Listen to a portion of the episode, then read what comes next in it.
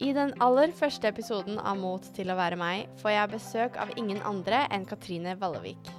Hun er ei helt rå dame som i tillegg til å studere økonomi, er manager for to selskaper, et band og et filmselskap. Hun har bodd flere steder i verden, vært med på turné, og jeg vil si at hun har alle muligheter foran seg. I denne podkasten vil jeg lære mer om hvordan det er å starte bedrift med venner og familie, hvordan det er å jobbe i musikkbransjen, og hvordan hun har blitt en sånn driftig dame. Velkommen til Mot til å være meg. Muris, klipp! ja. Så bare, til slutt er det sånn. Det ble en ti minutters podkast. Resten fungerer ikke. Velkommen! Takk. Er du klar for litt podding? Veldig klar Ja. for litt podding. Ja.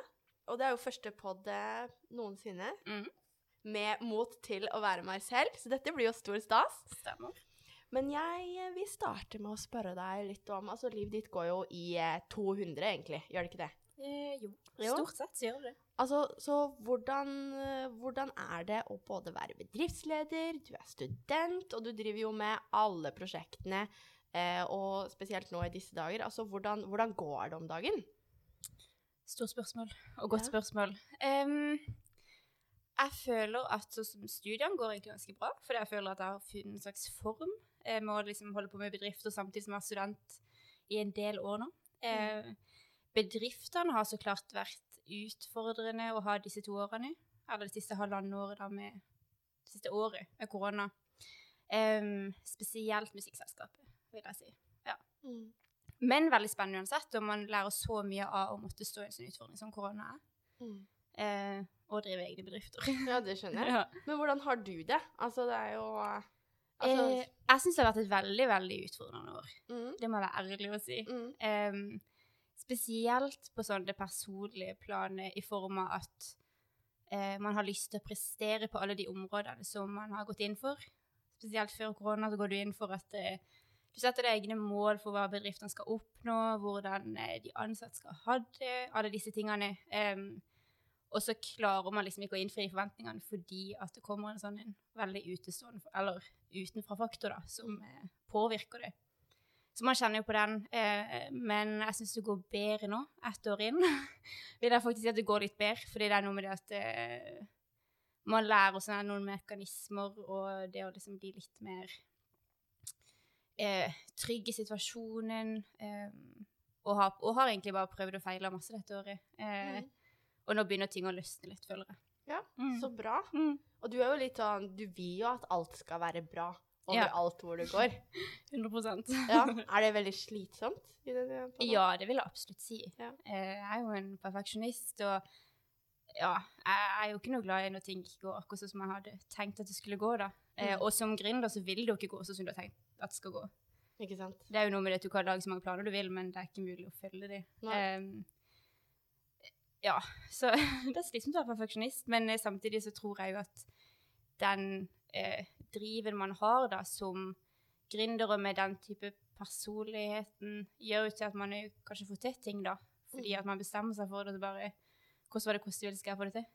Ja, jeg liker det. Altså, vi er veldig like der, for vi har jo snakka om det at vi leser jo mails, en mail 20 ganger nesten før Mm. vi sender det, og Så det tar jo veldig mye på, sikkert. Ja, og det det tar veldig mye unødvendig tid òg. Mm. Og vi prata om det for ikke så lenge siden, det der med at en mail kanskje kan ligge klar i tre dager, men man har bare ikke sendt den. Mm. Og så blir jeg jo ikke noe bedre i løpet av de tre dagene, men det er bare man har så lyst til at, at budskapet skal komme frem på riktig måte, eh, at man skal virke profesjonell ja, i alle ledd, da.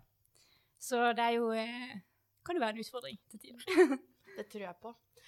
Nå skal jeg stille deg et spørsmål som egentlig ingen liker. ok. Det er en bra, det er en bra start. Altså, hvem er du? Oh no. Nei, er eh, hvem er jeg? Tenker du sånn som person, eller tenker du i businessverden, eller Hvem, hvem er det du vil definere deg som, på en måte? Eh, jeg vil definere meg som eh, veldig ambisiøs i alt jeg gjør. Eh, og veldig sånn dreven, og jo at jeg syns det er veldig gøy med alt jeg gjør. Eh, og det er jo så klart hovedgrunnen til at man holder på med alle disse tingene. Man har 70 baller lufta samtidig, er jo fordi man syns det er gøy. Um, og gøy å vokse som person i alt det man gjør. Um, Så som person så tror jeg veldig sånn jeg går Når jeg først bestemmer meg for noe, så går jeg veldig all in, og det syns jeg er veldig gøy. Og det gjør jo til typ, veldig mye av det man gjør, definerer man definerer en jo da, på mange måter, fordi man går så all in i alle de tingene man har å holde på med. Ja. Mm. Ja, du har jo gjort veldig mye forskjellig. Altså, Ja. du, og du gjør jo forskjellige ting. Og du, altså, du er jo overalt, syns jeg nesten. altså, det er, den ene dagen så skal du på en workshop, og den neste så er du altså, og, ja, Det er så mange forskjellige selskaper og Altså, for du er, eier jo to selskaper, og så er du jo in veldig involvert i UiA, Mm. både som litt sånn ambassadør Mm. og sånt der, og så er du jo med på surf. Ja. Og ja, hva, hva, hva er det du egentlig gjør i dag? Hvis du kan ramse litt opp, da. Ja, ja, men det kan jeg jo. Um, ja, jeg tar en master i økonomi, uh, som jeg tar ved siden av det å drive mine egne bedrifter. Uh, så har jeg da et selskap som jeg starta for i 2015. Uh, da var jeg vel 20 år gammel, eh, og starta da et musikkselskap med mine to søstre, eh, som er artister i et band som heter Oakland Rain og The Ella Sisters. Em, og vi starta et selskap sammen egentlig rett etter videregående. Eh, hvis du ikke var det egentlig ville innebære å starte et selskap. Det var mer bare sånn Vi syns musikk er gøy. Eh, og da søstrene mine som har disse bandene, var bare sånn Dette er det eneste vi skal holde på med. Og jeg tenkte at da kunne jeg gjøre administrasjonsdelen, da. Eh, og egentlig bare starta vi litt for gøy for å se liksom hvordan vi tre kunne jobbe sammen. Mm. Og vi jobber sammen fremdeles. Det så det er veldig gøy. ja. Ja. Em, så da startet vi Oakland Rain, da, som er på en måte det folk-country-prosjektet de sitt. Og så kom um, i, Nå i 2019 så starta vi eh, The Ella Sisters. Og ga ut første, ja, første EP-en da i 2020. Ja, Det er jo Eh, ja, og det er et popprosjekt. Altså det er kjempegøy. Um, og så starta jeg også det andre selskapet, da, South Coast Creative, um, i 2019. Sammen med en filmprodusent eh, som hadde jobba med meg en del tidligere på musikkprosjektene. Mm. Så da gjør jeg administrasjon, eh, økonomi, eh, kun, eh, snakke med kunder, eh, salg, alle disse Mm. tingene, da.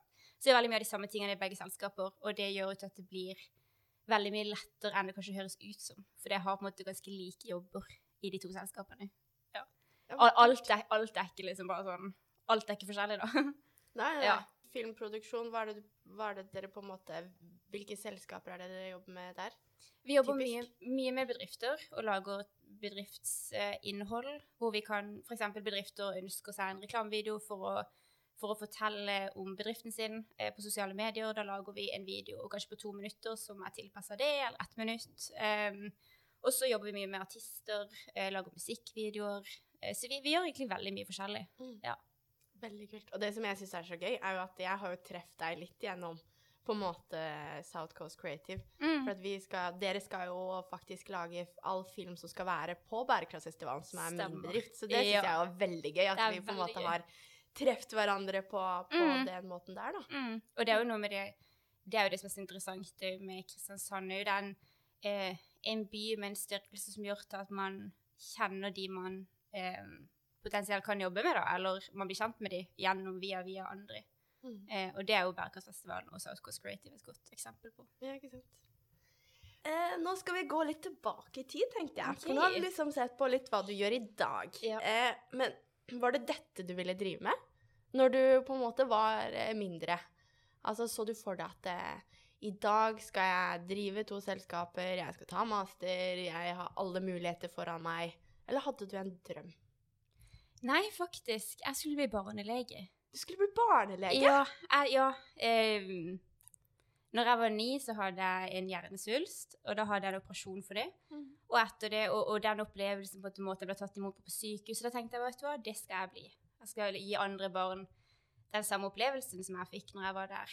Men så innså jeg at jeg var verken god i matte eller naturfag eller Ja. noen av de fagene som man egentlig trenger for å komme inn på legestudiet. Mm. Og en ting jeg kanskje jeg kunne kommet inn der, men jeg hadde jo strevd big time å komme igjennom. Så jeg fant ut at den drømmen var egentlig ikke stor nok til at, eh, at det var det jeg ville gjøre. det. Og så begynte jeg på utviklingsstudiet, som, eh, som handler om forholdet mellom industriland og utviklingsland. Eh, og hvordan situasjonen er i utviklingsland. Og det syns jeg var superspennende. Så da var, og der begynte jeg fordi jeg hadde lyst til å jobbe for FN. Em, Og det er jo, det jo ambisiøst, da. Ja, ja, veldig. Jeg hadde lyst til å jobbe både i felt, men også typ um, Altså kunne sitte og, og jobbe med ulike prosjekter, da. Uh, så det, det var planen min. Jeg skulle, jeg skulle både jobbe i felt og på kontor, da, man kan si det sånn. Så jeg hadde lyst til å liksom òg få den der administrasjonsbakgrunnen for det. Um, og så samme året da som jeg begynte på utviklingsstudiet, så starta jeg da selskapet med søstrene mine. Ja. Så var egentlig der retninga begynte å skifte litt. da. Ja. Eh, ja. Og så begynte jeg på økonomi høsten etter.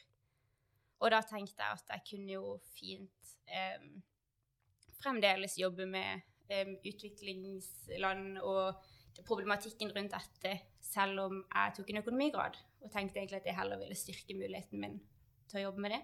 Mm. Men så fortsatte jeg å jobbe med musikk, og så ja, jobber jeg fremdeles med det, så vi får se. Ehm, Sånn som jeg kjenner deg, så har jo du vokst opp i en ganske så ambisiøs familie.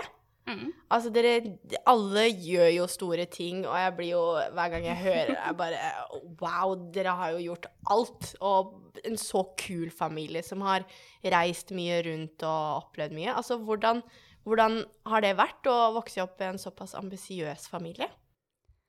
jeg, vil, jeg vil si at jeg har vært utrolig heldig som har fått oppleve det. Og jeg tror sånn Når vi var yngre, så tror jeg jo det, var jo mange som ikke på en måte hadde foreldre som reiste mye jobb, eller Nå har de vært superopptatt av å være hjemme og til stede, men de har jo også hatt jobber som har på en måte krevd mye av de, og, og krevd mye jobb. Um, og mamma, mamma og pappa har på en måte organisert det litt sånn at de har prioritert litt karriere uh, i forskjellige deler av livet. da, at typ, Pappa hadde noen år, så hadde mamma noen år, så hadde pappa noen år igjen, og mamma noen år, sånn at liksom alltid noen kunne At vi alltid ikke på en måte følte at vi eh, Hva skal jeg si At det påvirka oss i den grad, da.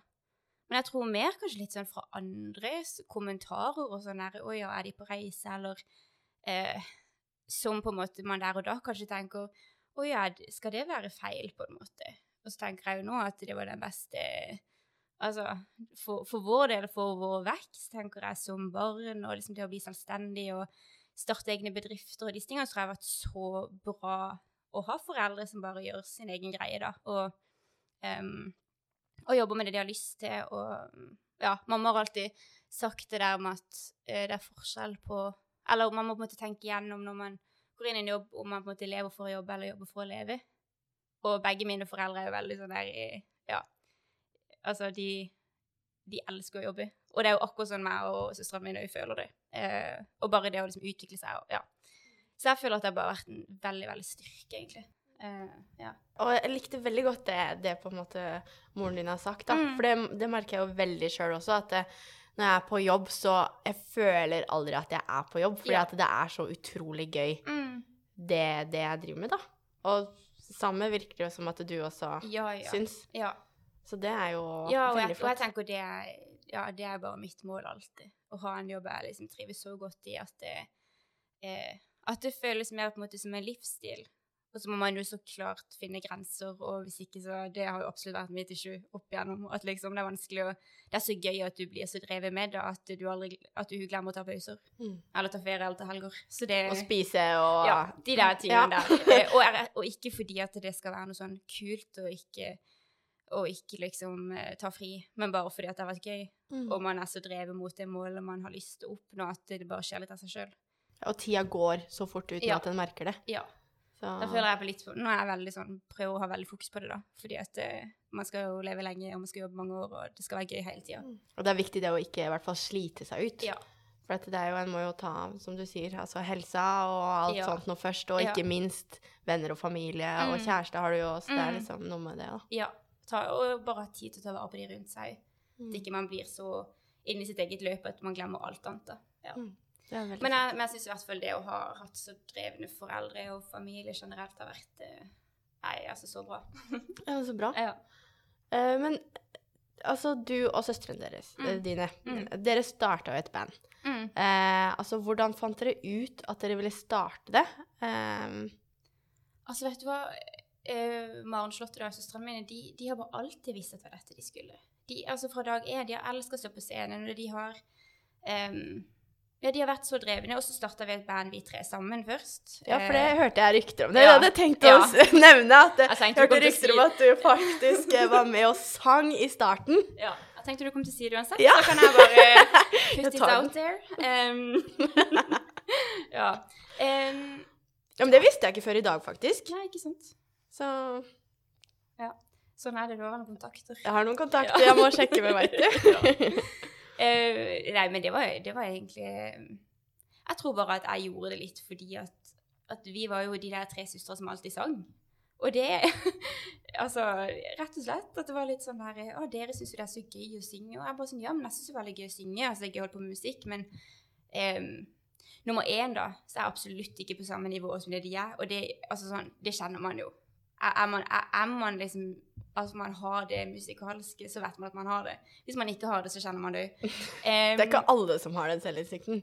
Nei, det er sant. Det er det. Ja, det er sant. um, så jeg tror jeg har kjent sånn at jeg kommer til å måtte jobbe veldig, veldig veldig hardt for å klare å holde tritt med hvor gode de var. Og òg at de bare hadde en drive som ikke jeg hadde på dette. De syntes det var så gøy. Og òg så er de tvillingsøstre, og de har en eller annen sånn eh, magisk egenskap til å liksom eh, lese hverandre sine tanker, vil jeg omtrent si. Fordi de, den ene synger, den andre overtar, og så putter den ene på en harmoni, og den andre bare Altså sånn. Det er litt sånn at hvis du er på konsert med de, så, så vil du på en måte tenke at alt dette må være innøvd, men det er mye av det som bare De bare winger når de er der, fordi de bare følte for det. Men det klarte jo ikke jeg å hive meg på. Nei, Ikke sant? Du hadde sånn- ikke den derre Nei, tvilling... absolutt ikke. Eller når det var sånn Å, kan vi, publikum ville si sånn Å, kan vi få en sang til? Jeg bare Jeg kjente bare sånn Nei, nei, nei. Nå har vi liksom øvd på det settet vi skulle øve på. Og vi har fremført, vi har levert, og jeg er ferdig. Jeg kan liksom endelig puste. Og, så, og de bare Ja, Seff, så gøy. Ikke sant? Så er du bare sånn Takk for meg, Ja. nå er jeg ferdig. Jeg bare sånn Ja. Nei, nei, det var ja. Så jeg kjente bare sånn Jeg har ikke noe på denne scenen å gjøre, liksom. Det jo, og det er jo noe med sånn prøve å finne ut av hva et publikum ønsker å høre. Det er jo noe med det Mm, Ja. Ikke sant? Hadde jeg hatt driven, så, kan, så kanskje jeg hadde gjort det, men jeg hadde ikke det. Så, Nei, nei, nei. Ja. Men så derfor så blei du på en måte den litt sånn manager-rollen, da. Ja, for jeg tok egentlig den rollen ganske mens jeg fremdeles sto litt på scenen og vi skrev sammen. Eh, så tok jeg fremdeles egentlig all admin og tok denne manager-type rollen. Og så fant jeg ut at jeg trivdes jo ti ganger bedre med det. At det Ja, var mer sånn ja. at jeg syntes det var gøy å jobbe med musikk, men jeg syntes det var mye gøyere å jobbe med det bak settet, da. Det å liksom bare kunne rigge klart en konsert, at de kunne gå på scenen, og jeg bare kunne stå der på sida og tenke åh, dette går bra. Ja. Det var det, var det magiske. Klappe, klappe, heia dere, tommel opp, liksom. Ja, Ja. det skjønner jeg. Men hvordan er det på en måte det å jobbe med folk som er så kreative? For du gjør jo det både med søstrene dine Mm. og med Tobias i South Coast. Ja. Altså For det økonomiske og det administrative er jo Mm. egentlig helt i andre enden av det kreative. ja. Åssen er det? Altså Jeg vil absolutt si at det har vært utfordrende tider, Ja. fordi at um, Det er jo noe med det at når du er kreativ, så er du sånn Koste hva det koste vil, jeg skal lage denne kunsten. Og sitter du på økonomisida, så er du sånn Men her har vi et budsjett å forholde oss til, ikke sant? Uh, og man em, og jeg budsjetterer etter ting, og så plutselig så kommer det opp en eller annen ting som de har lyst til å gjøre, og så er det bare Ja, men det koster jo penger. Og ikke sant, så må man på en måte bli enige, da. Um, så at vi, har, vi har hatt ganske mange gøye sånn, eller vittige samtaler om dette, hvor, hvor f.eks. Eh, Marsholt har kommet til meg og bare sånn Vi vil reise dit, og vi skal lage denne, vi vil lage denne videoen her, liksom. Sammen med Tobias. Eh, så det er jo gøy når det de, det er de tre mot meg, ikke sant. Mm. Så kommer jeg her og bare sånn Ja, her er budsjettet. Men, eh, men vi, vi, det blir bare god stemning av det. Det er ikke noe som på en måte blir, eh, blir noe ugreit. For alle vet jo at penger har noe å si når man skal Eller økonomien i et selskap har noe å si når du skal skape ting. Eh, så vi har egentlig møttes veldig på midten, da. At, Så bra. eh, ja, jeg vil si det med både Tobias og Marshot, så er det sånn eh, Ja, hvis vi gjør disse og disse tingene, så kan vi gjøre det og det, på en måte. mm. Eh. Og Charlotte er jo på en måte søstrene dine, Ja. og Tobias er jo i South Coast. Ja, stemmer. er egentlig, du mikser jo egentlig ganske mye selskapene her. Jeg gjør det. Ja. og, og det tror jeg jo handler om at uh, alle vi fire da jobber så utrolig tett sammen nå. Så det blir veldig sånn. Men jeg vil jo si eh, uh, at jeg lærte på en måte veldig mye med Maren Charlotte siden vi har drevet sammen så lenge. Så at når jeg begynte med Tobias, så gikk kanskje den overgangen ut lettere, da. Fordi Mm. at jeg allerede hadde gjort det. Hatt alle de samtalene allerede med kunstnere. Mm. Så det er Ja. sånn Man har på en måte funnet en måte å Håndtere kunstnere. Ja, ja, håndtere kunstnere. Nei, men, nei, men ja, ja, men det er jo altså ja. Ja, det er, det er litt sant. Altså økonomer Altså jeg er jo sjøl økonom, Mm. så det er jo noe med det at en tenker jo kanskje på en litt annen måte. Ja, og det er jo det at hodet er bare skrudd sammen på en annen måte, Mm. ikke sant? Og det er jo sånn at eh, eh, Ja, og, og jeg tror jeg lærer veldig mye av det som eh, som daglig leder i begge de to selskapene, da, det der med å jobbe med kunstnere. Jeg, jeg tenker at hvis jeg skal ha noen andre typer jobber i framtida, så har jeg fått med meg mye, mye, mye kompetanse. Ja. Ikke sant? Fordi tror at jeg har eh, lært meg å jobbe med personer som er så vanvittig forskjellige fra meg sjøl, da. Og det tror jeg er jo en, en, en kompetanse jeg kommer til å være glad for å ha, da. Mm. Ja. Ja, men det, altså, det virker jo så kult. Altså, jeg bare sånn Å, jeg skulle ønske jeg også på en måte jobba med Og no- enda litt mer sånn kreativitet. Og, og noen ganger så må jeg jo bare tenke sånn um, Eller noen, noen ganger tenker jeg jo bare sånn Dette er en idé som er så Den er så vill, på en måte. Den er, den er, den er så uoppnåelig, men samtidig har den ideen aldri vært på bordet hvis ikke du hadde hatt så, så kreative hoder, da. Eh, og så kommer jeg inn i bildet, og så må man kanskje gjøre litt kompromisser da, for å faktisk kunne gjennomføre det. Eh, men så blir det et veldig bra produkt til slutt. Og det er noe med det at jeg tror hadde alle hatt sånt hode som meg, så hadde det fort blitt begrensninger, da. Ikke sant? Nei, men det er litt sånn tull, da, for du er jo utrolig kreativ og veldig dyktig i det du gjør. sånn at det er jo ikke det at du ikke er kreativ i det hele tatt. Jo da, jeg jo Ja. Ja. jo da, jeg er nok, jeg er nok kreativ, men det er jo ikke sant Når jeg sammenligner meg med, med Ja. i helt andre enden av skalaen, så tror jeg man liksom tenker at man ikke er så veldig kreativ. Det kan jeg skjønne. Em, men ja, det, det er jo superspennende. Det er en ting jeg har tenkt på eh, som jeg har hatt lyst til å spørre deg så lenge. For at vi, vi, vi snakker jo sammen egentlig ganske mye. Eh, men så du nevnte jo på et tidspunkt at du var med på turné. Ja. Eh, og det har jeg liksom hatt lyst til å høre litt mer om. Eh, for jeg husker ikke Du ble jo spurt av et band, var det ikke ja, det? Jo, så em, jeg ble Jeg hadde hatt en mentor, faktisk, Mm. gjennom et sånt prosjekt som vi fikk støtte av. Når var dette? Dette var i 2016. Så hadde jeg hatt en mentor fra UK. Ja. Eh, så han, på, han er manager for et band da, fra UK, og han hadde tatt meg med på ulike festivaler, og vi hadde vært på sånn bra, ja, bransjetreff, og egentlig bare for å lære meg så mye som mulig om bransjen på kortest mulig tid. Og for at jeg skulle unngå å gjøre de samme feilene som han hadde gjort, eller som mange andre gjør, at jeg, at jeg skulle få et nettverk. Mm. Eh, så det var et fantastisk prosjekt. Det var noe som heter et VRI-prosjekt. Vri, Vri-prosjekt? Ja, VRI-prosjekt. Kult. Og det var fordi at du på en måte da var manager for Ja. eh, For, uh, Ja. for, for, Ja. for Oakland Raid. Ja, stemmer. Så da, så da fikk jeg um, Da var det Agderforskning som støtta dette her. Um, og dette prosjektet gikk da gjennom em, Gjennom at jeg skulle Det var et sånn kompetansehevingsprosjekt um, for å heve min kompetanse som uh, kvinnelig manager, faktisk. Um, og så gikk det et par år, og så fikk jeg en uh, altså Jeg prata med han her mentoren min ganske jevnlig, og så fikk jeg en telefon fra han, og han bare 'Hei, vil du være med på turné?' Så jeg sånn ja, ja, det kan jeg sikkert. Og han bare sånn um, Ja, det er en fem ukers USA-turné, uh, og jeg vil at du skal selge merchandise. Wow. Og så var jeg bare sånn Jeg har ikke solgt merchandise før, men det kan jeg jo, det kan jeg jo gjøre. Eh, så- Altså, tok du det så rolig? Eh, nei, men greia er at jeg har, jeg har et lite problem. Eller issue. Fordi at jeg har en sånn idé om at når, hvis jeg får en forespørsel om noe, som jeg kanskje er sånn Å, har jeg lyst, har jeg ikke lyst, så må jeg bare si ja. For at, hvis ikke så har jeg egentlig på en måte sagt nei til en mulighet for liksom personlig vekst. Ikke sant? Og dette visste jo jeg kom til å bli det. Så jeg var sånn Altså, greia var det Jeg skulle jo eh, Han sa jo det at de var elleve gutter, pluss meg da, eh, som skulle bo i en buss. Og, og jeg er veldig utadvendt, men jeg er jo veldig introvert.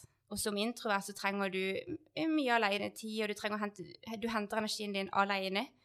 Eh, så det å bo i en sånn buss med sånn tre etasjer senger i høyden, eh, det var, det, det var eh, en interessant opplevelse. ja, Ja. jeg meg. Eh, så, så ja, så det var litt sånn når jeg fikk den her forespørselen, så var jeg litt sånn Det var sånn Jeg hadde lyst, men jeg hadde ikke lyst. For jeg, visste, jeg visste jo jeg visste, Selv om jeg ikke hadde vært på fem uker siden før, så visste jeg jo at det kom til å bli, bli slitsomt. Mm. Um, og så eh, mest slitsomt fordi jeg hadde så mye prosjekter samtidig gående at jeg kunne ikke bare legge fra meg alt, så jeg måtte på en måte jobbe mens jeg var på turné med de prosjektene jeg allerede hadde gående, og så var jeg student i tillegg. Ja. Det stemmer ikke. Jeg var ikke student. Jeg fikk et pauseår dette året. Ja. Men jeg hadde i hvert fall veldig mye, jeg hadde veldig mye med Oakland Rain uh, det, mens jeg var på turné. Så det var derfor jeg var, det var, jeg var ambivalent til å si ja, men jeg sa ja uansett. Jeg sa ja med en gang på telefonen når han ringte meg. Fordi jeg var sånn Hvis jeg på en måte får for mye betenkningstid, så ender man kanskje opp med å si nei, og det er jo dumt. Fordi at her har jeg jo en mulighet. Så jeg sa ja. Jeg liker at du tar det så rolig. Altså, jeg hadde bare sånn Turné rundt om i USA! ja. Eh, ja. Ja. Ja, og så eh, Jeg har jo bodd i, jeg har bodd i USA to ganger. Eh, og ja, i California. Og digger USA. Eh, når altså, det jeg hadde sett fra California Men jeg visste jo at California var absolutt ikke USA. Eh, det er en liten del av USA. Så jeg var litt sånn Jeg, jeg, var, jeg ble litt sånn dratt mot det der med å oppleve flere stater, da. Eh, ja, så jeg heiv meg på et fly til LA, da, og så møtte jeg eh, Ja, og så fløy jeg til østkysten, og så møtte jeg hele bandet der, da. Ja. Det var en fantastisk opplevelse, samtidig som noe av det mest liksom jeg har vært med på noen gang. Mm. Det, var, det, var egentlig, det er egentlig sånn jeg vil beskrive det. Jeg fikk opplevd så mye, og greia var jo det at jeg fikk jo Jeg har vært på to USA-turneer, For det gikk to måneder, og så ringte han meg igjen og sa Hei, eh, vi setter opp en ny turné. Um, jeg var på første turneen i hele november og første uka av desember, og så ringte han meg vel i januar, tror jeg, og bare Hei, vil du være med på en ny turné? Starter 1. mars. Eh, vi skal kjøre liksom andre delen av USA, da. Eh, igjen så var jeg jo litt sånn Jeg hadde jo, just kommet meg fra denne her ganske eh, Du hadde akkurat henta deg Ja. energi, du, nå. Ja. Ja. Og så ble jeg jo kjempesyk når jeg kom hjem. Jeg var jo syk i tre uker. For det er noe med det at du, ehm, eh, du Du legger deg klokka fire. Du sover på en buss. Altså, det er jo det er ingen, det er ingen form for rytme i det hele tatt, da. Ikke sant? Eh, så de fleste blir jo på en måte typ syke etter en sånn turné. Eh, bare type influensa og sånn, da. Men så jeg hadde egentlig akkurat kommet fra den. Men jeg sa ja på nytt, da. Så da for da skulle vi til Canada i tillegg, og da tenkte jeg sånn Canada har ikke vært det. Så det kan jeg jo oppleve. Det hadde vært nice. Så ja, jeg, jeg dro. på en ny femukers turné. Men hva, hva, kan du fortelle liksom Altså, hva var noe av det kuleste fra turen? Eller liksom Altså, alle tenker turné for Ja. en solskinnshistorie Ja. eller et eller annet ja, ja. sånt. Ja, ja, Men så er det jo ja. turnébuss og sikkert uh... Ja, og, og, og det er jo det at du, er jo liksom tolv forskjellige mennesker i en buss med alle forskjellige forskjellig personlighet. Det var, det var en veldig Det var en ekstrem læring for min del i det å håndtere så mange forskjellige personligheter og artister, ikke minst. Kunstnere. Eh, og det er jo igjen eh, Ja, og, og de, de hadde jo De var vel seks stykker på scenen, tror jeg. Ja. Så var vi fem i teamet, da. Eh, og det er jo noe med at disse kunstnerne de trenger jo virkelig space for å på en måte komme seg på scenen og gjøre den jobben de skal gjøre der. Så da er det på en måte bare hvordan man på best mulig måte kan tilrettelegge. Eh, men jeg tror det gøyeste for min del egentlig var selve og det å selge merchandise på showene. For jeg syns at uh, musikken var utrolig bra. Bandet heter Novo Amour. Em, så jeg syns det var kjempebra musikk, så det var sånn at jeg virkelig koste meg på konsertene sine. Og så hadde han en veldig, veldig um, Det er en hovedperson, da. Han hadde veldig sånn uh, uh, oppriktige fans, da. Og de, og de kom og snakka med meg, og de var bare sånn Nei, de bare fortalte så mye historier om hvordan musikken hadde på en måte beveget de. Ja, de opplevelsene der syns jeg var så veldig spesielle, da. Spesielt når jeg jobber med musikk i, i Norge, da, og mine egne band, så er det eh, noe med det at det er jo sånn det faktisk oppleves for et publikum som kommer på, kommer på konsert. Og dette var sånn 500-2000 eh, tilskuere per konsert. Det var liksom den størrelsen på, Ja. på Det er jo ganske da. mange, da. Ja, det var det. Og så var det hans første USA-turné. Den Mm. første jeg var på. Så det var veldig gøy. Gøy. Ja, veldig. Oh, og så er det jo noe med det å på en måte høre litt sånn historiene bak mennesker, Mm. og sikkert mye du kunne dra med deg tilbake til på en måte Auckland Rain og The Veldig. Sisters. Veldig. Eh, ja, det var, det var en kjempeopplevelse. Eh, så husker jeg vi hadde en dag hvor vi var i California, hvor vi bare var i en sånn fjellandsby, og vi bare gikk en sånn Vi hadde fri da den dagen, og vi bare gikk en sånn superfin tur. Det var sol, det var snø. Ja, det var bare helt magisk. Så du har jo de der pausene innimellom, da, hvor du liksom får virkelig opplevd USA. Men, men det var jo andre tidspunkter hvor typ, vi ikke hadde 4G på telefonen, og vi stoppa på en eller annen random bensinstasjon og måtte spørre hvor vi var hen. Hvilken stat er vi i nå, egentlig? For vi aner ikke. Hun bare sånn Ja, der er i Michigan. Ja, OK. Sånn ser det ut i Michigan, ja. Feil state. Ja, ja, så, ja. Så det er jo eh, Ja. Mm. Så hadde jeg faktisk, jeg kan fortelle en ting til fra den turneen, em, som var bare en sånn Jeg burde sikkert ikke si det på, si det på pod, men um, vi skulle kjøre opp et sånt fjellparti midt på natta. Uh, så jeg vogna, da. Eh, og trodde jeg skulle få Vågna betyr å sove. Våkne, Nei, våkne. våkne, ja. Våkne. Ja. På, på, på veldig sørlandsk. Eller Ja. vi vet egentlig ikke om det er sørlandsk, eller om det bare er min familie som sier det. Jeg er litt usikker. Ja, for jeg hørte det for første gang rett før vi skulle starte på den, og jeg Ja. bare Vogne? Fælt av mye du vogner. Altså, har du fått deg kid og skal vogne barn? det var det jeg tenkte. Ja, du vil Ja. ha din vogn? Ja. Skal trille det? Ja, nei. Nei, men du vogna. Ja, jeg våkna midt på natta da, fordi det var bare bussen rista så mye. Og så tenkte jeg meg sjøl ah, så godt at vi har norsk forsikring, da, om ikke annet. Og så innså jeg da at jeg hadde jo egentlig ikke dobbeltsjekka forsikringa mi før jeg reiste. Um, så da ringte jeg til mamma og så sa jeg sånn eh, Hei, um, kan du forsikre meg? For da hadde jeg sjekka forsikringa mi og så at den gikk ut året før. Fordi at jeg hadde vært på utveksling i USA, og da var jeg forsikra sånn og tenkte Jeg var good, tenkte jeg. Lite tenkte ikke jeg på at det var bare et ord. Så eh, jeg var på en fem ukers USA-turné uten forsikring, og det var jo eh, en ganske spesiell opplevelse. I hvert fall når du da sover i en buss. Eh, det var rimelig stressende. Så USA-turné nummer, to ble veldig mye bedre, for da kunne jeg liksom sove på natta uten å bekymre meg for at vi skulle krasje og sånn. Ja, det skjønner jeg. Ja. Det skjønner. Men åssen altså, altså, Vi skal jo på en måte komme litt eh, altså, motet du har til å være deg, men åssen var det på en måte å være deg uten å ha på en måte vært borti noe av kanskje turnélivet og møte alle disse kanskje litt store kreative personene? Mm. Altså, følte du at du kan, kunne på en måte komme som du var i det miljøet der, eller? Faktisk veldig. Eh, men jeg tror det jo handla om at de hadde så vanvittig respekt for økonomifeltet. At de var litt sånn Um, Nummer én så syns jeg at det var veldig gøy med salg på den turneen, fordi fansene var jo bare altså de var jo bare helt ville. De syntes jo det var så gøy å handle ting. og um, så jeg satt meg jo sånn der salgsmål, ikke sant, of course, fordi det er sånn jeg fungerer. Uh, og, hadde det, og hadde det veldig gøy med det. Uh, så jeg tror jo han, han hovedartisten syns jo bare at det var liksom veldig stas da, å ha med noen som ble så uh, eh, Hva skal jeg si Ble så opptatt av jobben min, da. Eh, så jeg tror, jeg tror de bare de, de hadde bare veldig respekt for økonomifeltet. Eh, og jeg følte meg veldig ivaretatt av de. De var veldig sånn her eh, um, De var jo en supersammenspleisa gjeng, for de har jobba sammen kjempelenge. Eh, så der kommer jeg liksom helt fra utsida. Men eh, det gikk veldig bra. Så bra. Mm. Men før vi går litt videre, eh, så tenkte jeg om Har du noen tips til hvordan man kan komme inn i en sånn bransje når en ikke driver med musikk selv? Mm. For du har jo kommet inn i det på grunn av at eh, du og dine søstre starta Ja. noe sammen. Men, ja. men hvis en ikke har det, da? Mm. Jeg tror um, Jeg tror det er veldig viktig å, um, å, å gå inn og, og virkelig kjenne på sånn Hva av denne bransjen er det på en måte som trigger meg? Hvor, hvor er det jeg føler at jeg kan eh, få ut mitt potensial? Eh, og det må man jo gjerne Si at man kanskje f.eks. er frivillig på en festival, da. Eh, man jobber f.eks. som artistansvarlig, eller man jobber med scenerigg, eller hva enn. Det er så mange forskjellige jobber man kan ha da. ikke sant? Bare for å komme litt inn i bransjen og skjønne litt hva det vil si, da. Eh, det kan være man jobber med kommunikasjon på en festival, eller hva enn det skulle være. At man på en måte prøver å finne litt sitt felt, og så at man prøver å bare være så på tilbudssida eh, og, og høre om man kan få lov til å være med på ulike oppdrag. Si eksempel eh, hvis noen har veldig lyst til å bli en manager, at de kunne kontakta meg og sagt liksom Nummer én, da. Har, for min del, hvis noen hadde hatt lyst til å bli manager, så hadde jeg jo så lyst til å bare være mentor, eller liksom ta en telefon, eller det er flere som har ringt meg og bare spurt om vi kan ta en prat eh, på hvor, hvor, hva skal man gjøre for å begynne, liksom. Em, så for eksempel som manager, da, eh, finne noen artister man virkelig digger, som kanskje ikke har noe team ennå, og bare spørre hei, kan jeg, kan jeg rett og slett prøve å jobbe for dere? Eh, og og gi, gi meg en sjanse, gi meg noen måneder. Eh, og jeg skal gjøre det jeg kan for å liksom, bygge nettverk for dere, og bare være veldig proaktiv, da, vil jeg si. Um, ja.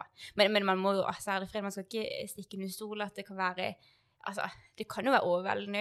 Jeg husker jo sånn her, jeg fikk en mentor som eh, er en helt fantastisk person, og han hadde jo vært i bransjen i 30 år og jobba med superstore artister, og jeg var jo sånn Du, du, du blir jo ydmyk for at, at andre har så mye kompetanse. Men så tror jeg ikke man, jeg tror man skal bare gå inn med den innstillinga at men de har jo kommet der av en grunn, på en måte. Og det er fordi de jobber hardt og jobber mye med det. Ja. Absolutt. Så det vil kanskje være mitt tips. La oss snakke litt om utfordringer. OK. Ja, for alle sier typisk eh, ikke gå inn i business med verken venner eller familie.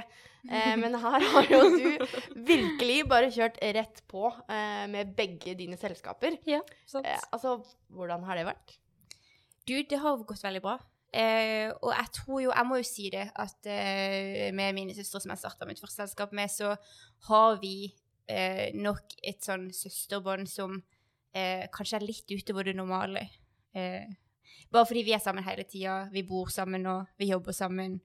Eh, og, vi, og vi er veldig opptatt av kommunikasjon. Så hvis det er noe som ikke fungerer, så prater vi om det. Eller hvis det er noe som eh, Igjen, som økonom på den ene sida og kunstner på den andre sida, så må du av og til eh, sette deg ned og bare være sånn OK, hvordan skal vi løse dette prosjektet, eller hvordan skal vi gjøre dette for at kunsten skal liksom få sin plass, og samtidig at vi har økonomien til det. Eh, og, og Tobias begynte jeg å jobbe med sammen med Maren Slåtte, så jeg tror han òg på en måte bare kom litt inn i den eh, Hva skal man si? Søskenflokken? Ja. ja. Typisk. Ja, ja, men egentlig litt sånn den følelsen at eh, at jeg hadde nok ikke start, altså Det har jeg jo sagt til Tobias, at jeg hadde jo ikke starta selskapet hvem som helst. Eh, og, der, og der er jeg faktisk veldig, veldig nøye. Eh, for det er, jo, det er jo mange prosjekter man kan bli spurt om man vil være med på, eller, men eh, det er noe med dette det å drive sammen. Det, det, blir jo på en måte en fulltids uh, uh, Altså, det, eh, det blir fulltid i hodet hele tida, fordi du tenker på det konstant, Uh, og da må du på en måte jobbe med folk som du vet at vil gjøre det samme. Det er i hvert fall sånn jeg opplever det, at, at man må kjenne litt at alle er all in for det.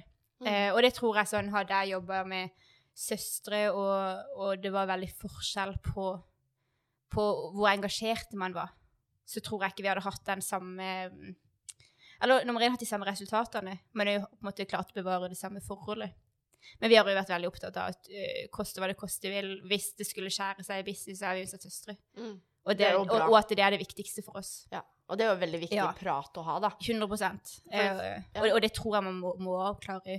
Mm. Alle er sånn hvis, hvis vi skulle være dypt uenige om noe Nå tror jeg ikke at det kommer til å skje, men skulle det plutselig bli det, så er vi mer villige til å fortsette å være søstre. Mm. Men vi har på en måte ikke hatt noe sånn Litt å fortsette. ja, ja, ja. Nei, men det er, det enn å drive selskap, liksom. Ja. Uh, men jeg føler at vi Ja, vi, vi har egentlig aldri kommet til det stadiet vi har vært dypt uenige om noe. Vi uh, Ja. Det er, vi, vi prater bare om det, og så finner vi en løsning. Så bra. ja. Jeg har en søster sjøl også, og vi, hun også er jo med i Bærekraftsfestivalen. ja. Men det er jo liksom, det er jo forskjell med at en er litt med å jobbe fulltid. Ja. Så Ja, og jo kanskje det å eie selskap sammen. Mm. At på en måte det er forskjell på å jobbe sammen på prosjekter, og det å faktisk være Sånn som i Oakland Rain, da, så er jo vi tre eiere. Mm. Og vi er de eneste eierne. Uh, men for oss har det bare vært et sånn skikkelig gøy familieprosjekt som vi Ja. gjør sammen. Og mamma og pappa er jo økonomer begge to, og virkelig på rådgiversida. Når vi, spesielt pappa har vært gründer i mange år, så han kom med masse tips om hvordan man burde gjøre ting. Og det var han som egentlig var sånn vi skulle starte selskap, som bare sånn Dere må starte AS. Eh, Eller altså ikke at vi måtte, men altså at han oppfordret til det, da. Fordi at eh, Igjen på grunn av det med at vi er søstre. Det er noe med å ha et selskap som er litt sånn utenfor en sjøl, på en måte. I forhold til enkeltmannsforetak, da. Mm. Uh, eller enkeltpersonforetak. Ja. Ja. Ja, men det, for det, altså det neste jeg hadde tenkt å spørre om, var liksom altså, Har det vært noen kjipe valg? Men uh, det høres jo kanskje ikke Men det har vel kanskje vært noen ting? Ja, eller det har vel mer vært sånn der eh, at vi, uten at det på en måte har blitt kjipt, så har vi liksom måttet definere roller. Og det var jo på en måte kanskje mest i den fasen hvor jeg var litt sånn litt med i bandet, skrev litt sammen med de, eh, jobba like mye behind the scenes. Egentlig kanskje kjente på at jeg syntes det var gøyest, men jeg, jeg tror jeg bare jeg følte på litt forventninger fra alle andre, ikke engang fra Maren Charlotte, på at vi tre var et band, liksom. Og så når jeg bare valgte å tre ut av det, og så klart Maren Charlotte var bare så fornøyd med at jeg gjorde det jeg følte var riktig. Eh, men det kom jo litt kommentarer i etterkant som var sånn der Å, liksom presser søsteren din deg ut av band og sånn. Nei. ja, og vi bare sånn Nei. det Nei. Så ja, det skjedde jo absolutt ikke. Eh, så det var bare et eget valg. Og, eh, og i etterkant òg. Typ hvert år så tar vi en liten prat og bare sånn Kanskje fordeler litt Altså, vi stopper opp og ser sånn Hvor er vi nå? Skal vi liksom eh, Skal noen få noen flere roller, eller skal vi bytte på noen roller, eller hva enn det skulle være, da. Mm. Nå tar jeg avviselig ikke noe som er på scenen eller skriving av musikk, men sånn mer av de praktiske tingene da som vi gjør. Mm. Um, har det bydd på noen utfordringer at på en måte artistene eller eh, eller uh, filmprodusenten ønsker å gjøre noe som du ikke ser at passer økonomisk? Um, ja. Jo, det, det har på en måte gitt em, jeg, tror vi har, pra pratet mye om det, det der med at det som jeg da som typen perfeksjonist, som jeg har veldig lyst til å gjennomføre, alt som alle andre har lyst til å gjennomføre, så kan jeg bli veldig sånn At jeg kan bli veldig sånn Åh, jeg syns det er kjipt hvis ikke jeg klarer å liksom få det til å skje, da, at vi kan gjennomføre det prosjektet av type økonomi eller andre ting. Eh, så det har nok vært mer det at jeg har syntes det har vært kjipt, liksom. Mer enn de kanskje har syntes det vært kjipt. At de har vært, ja, de forstår det kjempegodt at liksom eh, At kanskje noen prosjekter er Da tenker man kanskje litt for stort til hva man har som budsjett, eller hva som kanskje er på en måte et poeng å bruke så mye penger på, da. Eh, men, men igjen så har vi egentlig bare typ prata om det, eh, og eh, ja. Så det, det er kanskje der det har ligget mest bare sånn for meg, da, at jeg har så lyst til å gjennomføre alt. Ja. ja. Men Uh, Muris, produsenten vår og Ja. Du er vår egen produsent, faktisk. Veldig kult. Veldig kult. Ja. Eh, han, når vi, når vi på en måte preppa og litt sånn da, så var det en ting han kom veldig over og lurte på. Eh, hvordan det faktisk er å jobbe eh, med noen så kreative eh, mennesker, hvor kunst på en måte handler om å utfordre. For det er jo det Mm. det gjør. Altså Mm. at eh, en skal vise noe, altså utfordre, pushe grenser. Eh, mens gründerskap, som både Muris og jeg jobber masse med, eh, så er det jo Der er jo poenget å treffe et behov. Mm. Altså, hvordan er det å jobbe med dette? Det var et veldig, det var et veldig bra spørsmål. Mm. Um, jeg opplever nok at det kanskje er en god miks av begge to. At um, som kunstner så ønsker du, du ønsker å utfordre, og du ønsker å treffe de som ikke nødvendigvis vil bli truffet, ikke sant, i forhold til den utfordringa. I hvert fall eh, hvis man tar opp eh, type em, temaer som du vet at Hvis vi tar opp dette temaet her, så kommer det til å utfordre noen, og noen kommer ikke til å på en måte kanskje like det, eller eh, Men så vet du jo at du treffer et behov med tanke på at man får en feedback på at musikken eller kunsten gjennom film, da, at det treffer et publikum, og at det er noen som eh, Senest i dag så fikk jeg en melding på, eh, på Maren Slott sin kanal da, hvor ei som skrev at eh, hun hadde brukt skikkelig lang tid på å sende denne meldinga, og at hun synes, jeg tror kanskje hun syntes det var litt skummelt å sende den, og måte være så ærlig, da, men hun sa bare at musikken hadde hjulpet henne gjennom så mange tøffe perioder. Um, og det er jo derfor man gjør det. Og jeg kjenner det derfor jeg òg gjør det. At ja, man skal treffe det behovet, men jeg tror du treffer det behovet gjennom å lage genuin kunst, da.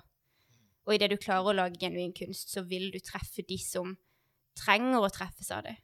Em, men det er jo absolutt en annen bransje enn å jobbe i eh, mer f.eks. kommersielt salg, da. Ikke sant? For mange gründervirksomheter så er, lager man jo et produkt som skal treffe, og det skal selge. på en måte. Eh, så dette er jo, dette er jo et, det, det er et helt annet ballgame, vil jeg si. Ja. Men så er det noe med det at eh, altså eh, Kunstnere er jo på en måte altså, De er jo akkurat som alle andre. Mm. på Mm. en måte, altså, de har bare en brennende interesse for noe, da, Mm. for eksempel. Mm. Og, og de er jo mennesker, de også, og har følelser og eh, Altså, vi er jo mange nok til at en alltid kanskje vil treffe noen, da. Ja. Ja, og, og det jeg tror eh, vi har snakka veldig mye om det siste, sånn spesielt på musikken, at, eh, eh, at det er viktig å ha et fokus da på at eh, ja, musikken skal, eh, kan selges, ikke sant, og man kan streames, og man kan få ulike avtaler på de sangene som de skriver, eksempel. Men, men hvor viktig det er å være genuin i kunsten du lager. At, at, eh, at den musikken vil finne sin vei til det publikummet uansett, hvis du lager genuin kunst. Eh, for idet du begynner å lage noe du egentlig ikke kan stå inne for, for å treffe et behov, eller treffe et marked, eller treffe perfekt inn i popmarkedet, f.eks., da blir det veldig fort eh, Det blir veldig fort, det skinner veldig gjennom ofte at ikke det er ekte, da. Mm. At ikke det kanskje kommer fra en ekte følelse. Så det er veldig viktig uansett, tenker jeg. Eh, ja. Og jeg tror det er viktig fra min rolle å forstå det at jeg jobber med kunstnere, Mm. og at eh, jeg, burde, jeg burde velge en annen bransje hvis jeg ikke vil Altså hvis jeg ikke vil kunne eh, stå inne for det de vil lage av kunst, da. For at da um, Ja, da, da tenker jeg da stagnerer man jo, på en måte. Ja. Absolutt. Men en annen ting vi også snakka om i stad, var litt sånn derre eh, sell-out. Mm. For det er jo en ting mange artister opplever litt som et sånn skjellsord. Mm. Eh, og som på en måte kanskje mange artister også blir pressa til å gjøre. Altså hvor en typisk kanskje først har et nisjepublikum, Mm. eh, og så endrer en image for å treffe flere, eller det Mm. kommersielle markedet, da. Mm. Eh, altså, har dere opplevd litt det presset til å typ, følge en annen vei, eller retning enn det dere ønsker å følge, da? Tenker du på musikken nå? Ja. Ehm, nei, faktisk ikke. Eh, det har vært mer en sånn en kunstnerisk prosess for Mareslottet i seg sjøl. Eh, men så klart så blir man jo påvirka av forskjellige lydbilder, men jeg tror det er mer sånn at det har vært mer en sånn en Wow, det lydbildet der var kult. Hvordan kan vi på en måte lage det til vår egen greie? Og at vi har lyst til å teste ut med den sjangeren. Og det var egentlig sånn Mareslottet sitt eh, alter ego til folk countrybandet og Lorraine kom til. Fordi at det er da de Ella Sisters som på en måte treffer en popsjanger. Eh, og det var litt sånn fordi de bare var sånn ah, vi har så mye popmusikk vi har lyst til å lage. Um, så jeg tror eh, Men det er jo en veldig klassisk historie. Men jeg tror det jo handler om at vi har prata vanvittig mye om det. Eh, at vi har prata og prata og prata. Eh, og i, i, i de tidligere årene så hadde de absolutt noen opplevelser hvor, hvor vi var i møte med aktører, og de bare kjente seg eh, trykka på, eller at noen egentlig prøvde å ta fra de sin kunst, eller gjøre den om til noe de, det ikke var. Og da, de kjente veldig fort at det var ikke noe de ville stå inne for. Så um, ja, da var de veldig tydelige med det, da. Uh, og den har på en måte fulgt de hele veien. Um, og det tror jeg er veldig positivt at de fikk de opplevelsene så tidlig. For jeg tror hvis du allerede plutselig kommer inn i et stort team, du blir signert på et eller annet plateselskap, så er det veldig, veldig vanskelig da å skulle stå opp for seg sjøl. Så hvis du kan stå opp for deg sjøl idet du kommer inn i en eller annen avtale, så vil det være mye lettere å ikke bli endra, da.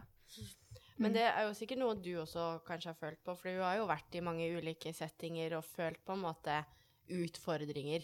Altså Mm. utfordrende settinger som du har kommet overfor. Ja, ja, absolutt. Um, ja, det kan være, det kan være fordi, kanskje spesielt fordi man er, gjerne, har vært, gjerne vært litt ung. Jeg begynte da jeg var 20. Eh, ikke fordi jeg egentlig tenkte at jeg skulle inn i musikkbransjen. Plutselig havna jeg der, og det var veldig spennende. Eh, så kommer jeg jo fra typ en, en bakgrunn med ikke så mye begrensninger i tanken på hva man skal klare å få til. Og så plutselig kommer du ut i en verden hvor noen egentlig forteller deg at eh, ja, men du er jo bare 20, eller liksom litt sånn at man ikke har så mye å komme med ennå. Ja, at du på en måte hjemmefra ble fortalt at eh, alt var mulig, og så, Ja. og så møtte du kanskje ikke de samme Ja. åpne armene når du Ja. kom ut, da. Og det tror jeg, jeg tror jeg fikk litt sånn eh, Jeg tror jeg ble litt overraska, for jeg husker jeg var litt sånn Men hvorfor Hvorfor skal, jeg, eller hvorfor skal ikke jeg kunne gjøre dette, på en måte? Og så tenkte jeg at jeg kunne gjøre det, da. Så jeg har vært veldig heldig med hva skal jeg si, mindsetet mitt hele veien. At jeg har ikke latt meg så veldig påvirke av det, egentlig, for å være helt ærlig. Det har bare vært litt sånn ja, Det har vært mer sånn å manøvrere hvordan man skal håndtere de situasjonene hvis de oppstår. Mm. Litt sånn hvordan skal man Hva skal man si, eller hva skal man gjøre? Litt med de tingene. Og det er jo kjempebra. Altså, for jeg, jeg har jo sjøl vært i mange sånne ugreie situasjoner. Mm. Hvor jeg i ettertid Den ene gangen så skjelver jeg jo Mm. av på en måte frustrasjon og Ja. sinne, og liksom Ja. Hvor en ikke har sluppet til i det hele tatt Mm. fordi at en har vært for ung, eller Ja. fordi at en. Altså at andre ikke res har respekt for en, da. Mm. Så det er jo uh, et, Alle føler vel sikkert på det i ny og Ja, jo, men absolutt. Mm. Og det tror jeg, altså, det tror jeg i alle ulike settinger. Liksom, vil man noen ganger føle at man ikke liksom kanskje blir respektert for det man kan, da, eller at man blir undervurdert, eller Men da tror jeg det er veldig viktig å være trygg i seg sjøl på at ja, ja, de får tenke det, på en måte. Og så Mm. får man heller eh, Ja, jeg liker å tenke det med at eh, man får heller eh, Hva skal jeg si Bevise det gjennom handling. At man heller bare får til de tingene man har tenkt å gjøre, og så Mm. kan de, kanskje de personer som tenkte at man ikke hadde noe der å gjøre, kan heller bare se det i etterkant, da. Men uten at man har noe behov for å si at man så klart skal jeg få dette til, eller man må, man bare jobbe hardt, og så ja, jobber man mot målene sine, da. Ja, men kjenner du på det? For det, det merker jeg veldig, at eh, hvis det er noen som på en måte undervurderer meg, eller sier noe sånn at eh, ja, eh, dere Eller at jeg får inntrykk da av- at eh, de tenker at dere er for unge, eller dette får ikke dere til, Mm. eller et eller annet sånt, så blir jeg mer sånn Vet du hva, da skal jeg vise dere. Så Mm. bare følg med, liksom. ja. ja, heller den at man bare kjenner sånn inni seg sånn Ja, men da får man bare prøve, Mm. og så Og jeg, jeg tror liksom med tida at man blir litt sånn der eh, Man bare tenker at folk får lov til å tenke hva de vil, på en måte. Mm. At det er jo litt sånn Ja. man, man bare blir litt uh, Ja, jeg kjenner at jeg Jeg lar det ikke gå så veldig innom meg, egentlig. Og det er jo Hva folk skulle mene om Ja, for jeg tenker at dette er jo mitt liv og mine valg, og Ja. ja. Men, men det er jo sånn når man velger en utradisjonell vei, så, så vet man jo at man kanskje Det kan jo være jevnaldrende òg, som kanskje til å begynne med kanskje syntes at det var litt teit å holde på med musikk, eller bare litt sånn før man kanskje hadde um, fått til noe som helst. Plutselig begynte man å skulle liksom kalle seg for manager. Men det visste jeg at jeg måtte hvis jeg skulle bli tatt seriøst i denne bransjen, og hvis jeg skulle sende ut mailer og Ikke sant? Eh, så det var jo noe som var sånn Er ikke det litt vittig å kalle seg for manager, liksom? Da husker jeg bare tenkte ja, ja, eh, men jeg vet at det må til, fordi at da virker jeg mer seriøs overfor de aktørene jeg skal jobbe med. Og det krever jo et mot.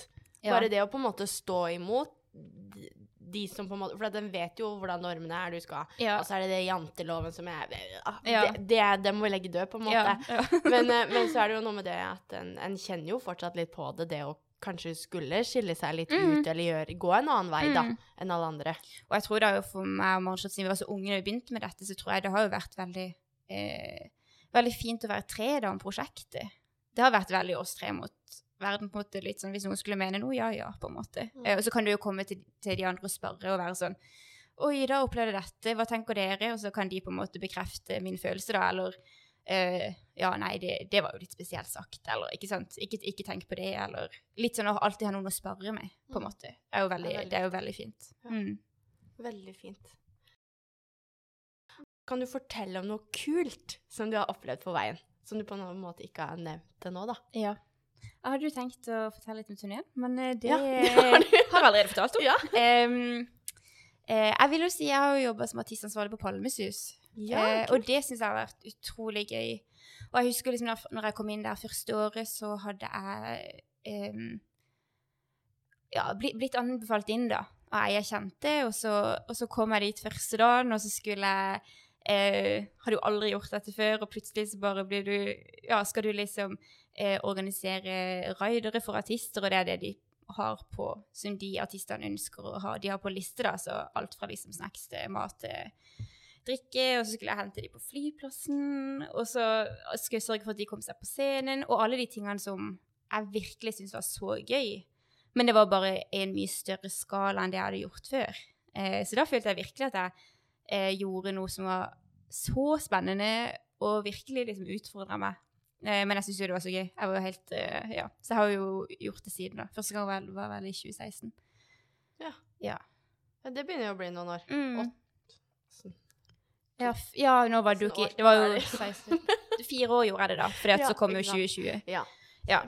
Ehm, men ja, så det, det syns jeg bare har vært jeg, er jo- jeg syns det er veldig gøy når mye skjer, og det er mye som skal organiseres, og så, så kjenner man av og til bare på et stressnivå som bare er helt sånn Mm. ja, hinsides, fordi at eh, I alle sånne situasjoner, fordi ja, det er mange ting som er utenfor ens egen kontroll, eller ehm, ja. Men hadde, du hadde et team? Du var ikke helt aleine? Jeg, jeg var ansvarlig for én artist og teamet de sitt. Ja, Så da var for eksempel Jeg hadde Martin Garrix av første året.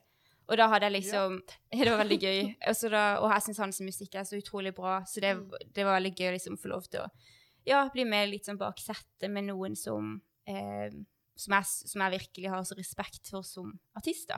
Mm. Eh, og jeg var bare så hyggelig og hadde et utrolig bra team. De var vel ni stykker i teamet sitt. Ja, så da hadde jeg ansvar, ansvar for liksom, hele teamet. da. Ja. At de skulle ha det bra og komme seg på scenen. og ja, Så rått. det var veldig gøy. Ja, Ja. det tror jeg på. Altså det, men, men, og, og du ble anbefalt inn? Var det sånn Ja, du kom inn? det var, ja, Mm. det var ei jeg kjente som Mm. spurte om jeg hadde lyst. da. Ja. Nettverk det er har masse, jeg jo lyst. altså. Ja, ja, gud. Ja, det, Ja. det har så mye å si. Ja. Men uh, haha, nå, nå har jeg funnet litt sånn uh, snacks på internett. Oh no! Fordi uh, jeg leste en artikkel om deg. OK. Ja. Og du hadde jo tenkt å selge ut Madison Square Garden. Ja, Ja. stemmer. Ja. Er det fortsatt den store drømmen? Eh, nei, Nei? faktisk ikke. Nei? Denne artikkelen var kanskje fra Det er lenge, 2015, ja. kanskje, eller nå, 2016. Ja. Ja. Noe sånt 2016, tror jeg. Eh, man lærer veldig mye i denne bransjen her, eh, og jeg kjenner nok at det er mye som kommer med det å skulle bli en såpass stor artist. Mm. Når det kommer til team, når det kommer til hvem du kan være som person. Det, det, det er mye som følger med, da. Så nå er mer ambisjonene mine å ha eh, Etter USA-turneen, faktisk, med Novo mor. Det med å selge De solgte jo ut konserter på sånn 2000 personer, eksempel. Det var en størrelse som jeg likte veldig godt. Eh, og det er egentlig ikke noe sånn at, har, at jeg har satt ned ambisjonene mine. Det er mer at jeg føler at det er et vanvittig riktig på en måte segmenter. segment, da. Det, altså den type mm, størrelse på konsertscener, fordi at du kan fremdeles som artist selge din egen merchandise, og du kan møte publikum, og du kommer veldig nærme publikum. Um, Mer intimt, på en måte. mer intimt, ja. Ja. Kontra den derre veldig um, Ja.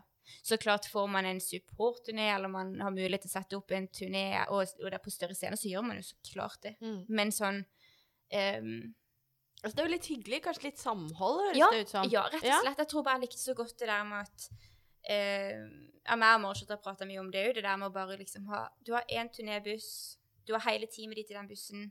Eh, mer, mer en sånn en eh, Ja, mer, mer en, en, et intimt opplegg, da, Mm. rundt det hele. Mm. Um, og til syvende og sist er det jo musikken det handler om. Absolutt. Men eh, altså, du virker jo som, som ei eh, som alltid på en måte går litt sånn med rak rygg, uansett hva du gjør. Eh, men kan du kjenne på at ting kan være vanskelig eh, i forhold til det du gjør? Jo, absolutt. Ja. Jeg kjenner, jo- altså, det er jo noen dager hvor man kjenner at Hvor man ikke kjenner at man strekker til. Mm. Eh, men for min del så er det jo eh, mest i mitt eget hode.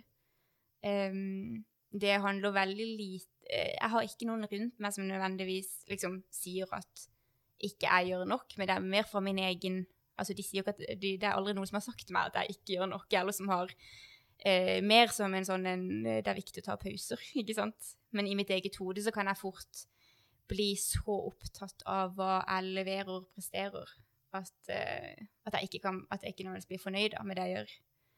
Og det er noe det er, det er året 2021 for å jobbe med det. for det er noe med det at eh, det er jo viktig å um, Det er jo viktig å på en måte være på denne reisen, og ikke bare tenke på hva man presterer. Mm. Og tenke på hva andre tenker, kanskje? Er, er det litt sånn tankegang, eller er det egentlig litt mer bare at er, du skal gjøre ting Det er egentlig mest i mitt eget Ja. hode. Jeg, jeg skjønner at jeg bryr meg veldig lite om hva andre tenker om meg. mm. Det er litt sånn hvis noen tenker at jeg ikke At jeg skulle ha gjort mer eller mindre, eller Så er, så er det jeg ikke så opptatt av. Eh, så det er, det er mer et veldig sånn indre press, da. Ja. Men, men også en indre drive. Så de driver jo og krangler litt av og til. Ja. Fordi at eh, sånn hva, er- hva er det som Altså, den, den driven som er positiv, er så veldig positiv, fordi det gjør at jeg liksom står på morgenen og bare er så gira på å komme i gang med dagen. Og så er det den der eh, andre sida da som på en måte forteller en at man alltid skulle ha gjort mer, da. Som er den negative eh, faktoren. Ja. Så den jeg prøver å bli kvitt Ja. eh, mer, og da tror jeg man kanskje kan klare å få til mer. Og tenke litt den der 80% er godt nok. Ja.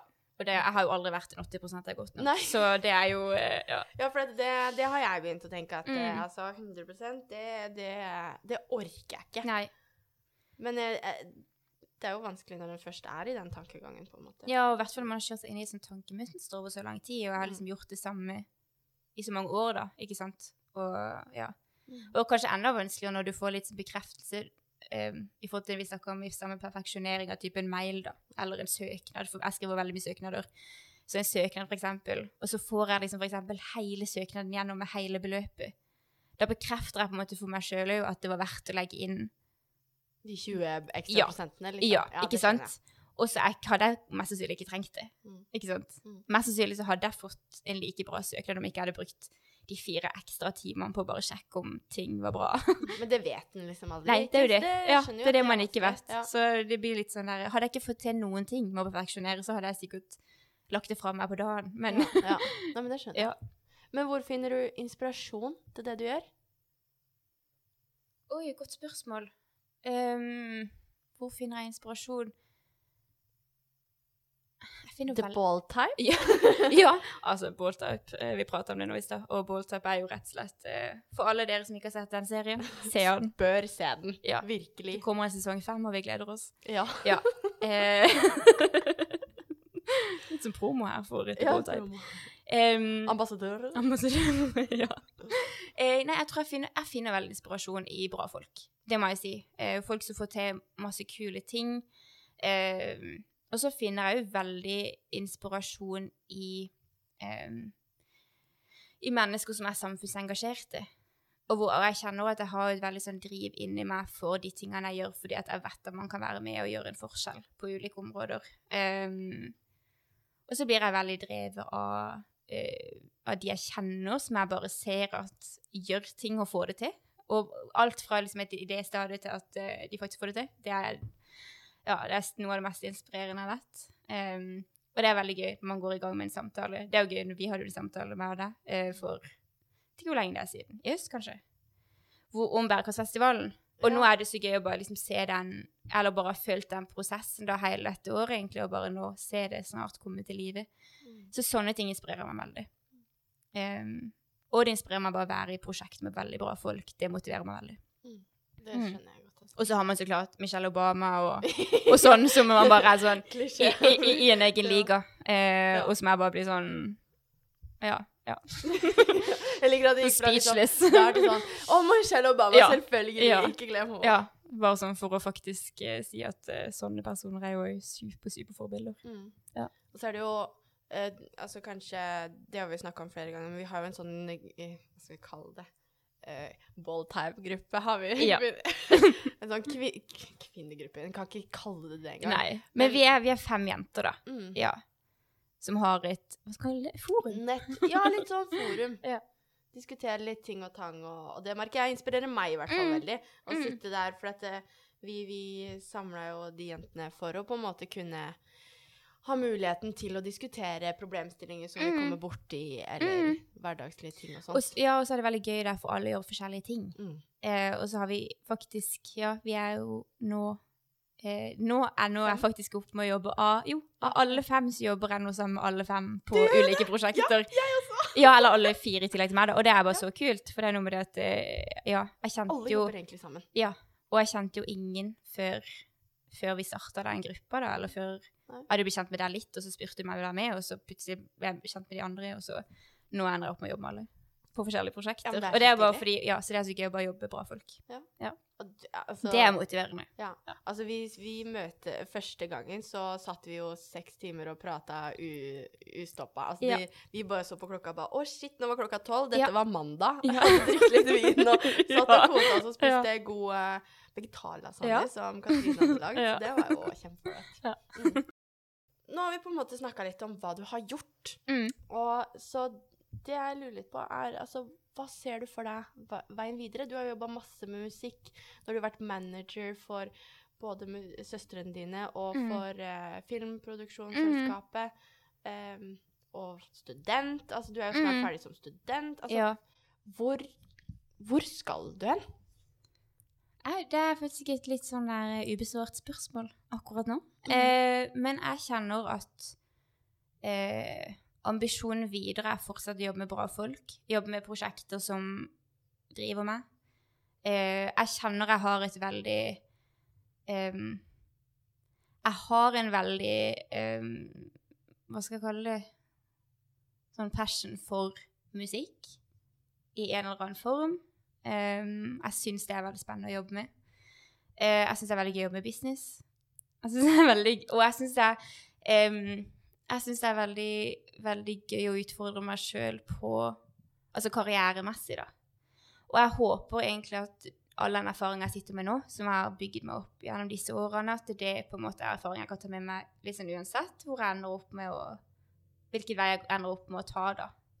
Uh, at jeg jeg ser jo uansett for meg at jeg kommer til å være i business. Eh, og så har jeg jo sagt til deg at eh, jeg syns bærekraft er veldig spennende, og det tar meg litt tilbake igjen til den der eh, FN-drømmen når jeg var 19. Um, Det er jo kult, da. At ja. du fortsatt på en måte har noen av Ja, de samme drømmene. Ja, Jeg kjenner at den, den ligger der fremdeles, den kjenner jeg en sånn en, På et eller annet tidspunkt så må jeg eh, Ikke må, men fordi jeg har lyst. Eh, jo, eh, gå litt tilbake til den drømmen der, da, eh, og, gjøre, og gjøre noe med den. Um, men jeg tror bare jeg har følt gjennom både musikk og filmselskap at jeg har fått gjøre, gjør så mange av de tingene jeg egentlig har hatt lyst til. Mm. Sånn, som var ambisjonen med, med å kunne gjøre forandring i verden. Har jeg kunnet gjort gjennom de prosjektene jeg jobber med nå. Mm. Hvilket har vært så givende. Mm. Så, Så eh, kult. Det det, er så, det er så gøy å høre. For det, de prosjektene du, du er en del av, har jo påvirka veldig mange. Og Ja, har rørt på. ved veldig mange mennesker, da. Altså Mm. både gjennom musikken og gjennom på en måte videoene Mm. som blir lagd. Mm. Ja, det er veldig rått å tenke på. Man, man glemmer det av og til når man sitter i sitt eget og jobber med ting. Og, Absolutt. ja. Og så får man en sånn melding da, som tikker inn i innboksen, så blir det sånn Oi. Og så hadde vi eksempel en fotoshoot nå eh, med South Coast, og hvor bare hun vi tok bilder av, var bare så fornøyd med opplevelsen og følte seg så komfortabel. Og det, måte, det var bare en så fin opplevelse. For det er noe med det at eh, Og det var første fotoshooten, hadde aldri gjort det før. Og da er det bare en sånn opplevelse at vi kan være med og eh, ja, gjøre den opplevelsen fin, da. Mm. Hun, og så skal hun fremme sin musikk som artist igjen.